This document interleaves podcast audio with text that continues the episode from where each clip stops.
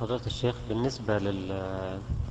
للاشتراط في الحج هل هناك حالات معينة يشترط فيها الحج؟ ويقول إن حبسني حابس فمحل حيث حبسني؟ الاشتراط في الحج أن يقول عند عقد الإحرام إن حبسني حابس فمحلي حيث حبستني وهذا الاشتراط لا يسن إلا إذا كان هناك خوف من مرض أو امرأة تخاف من الحيض. أو إنسان متأخر يخاف يخشى أن يفوته الحج ففي هذه الحال ينبغي أن يشترط.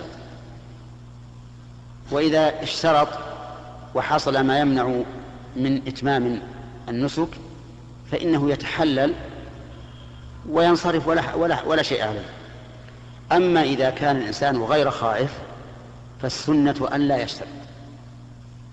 أن يعزم ويتوكل على الله ويحسن الظن بالله عز وجل. نعم.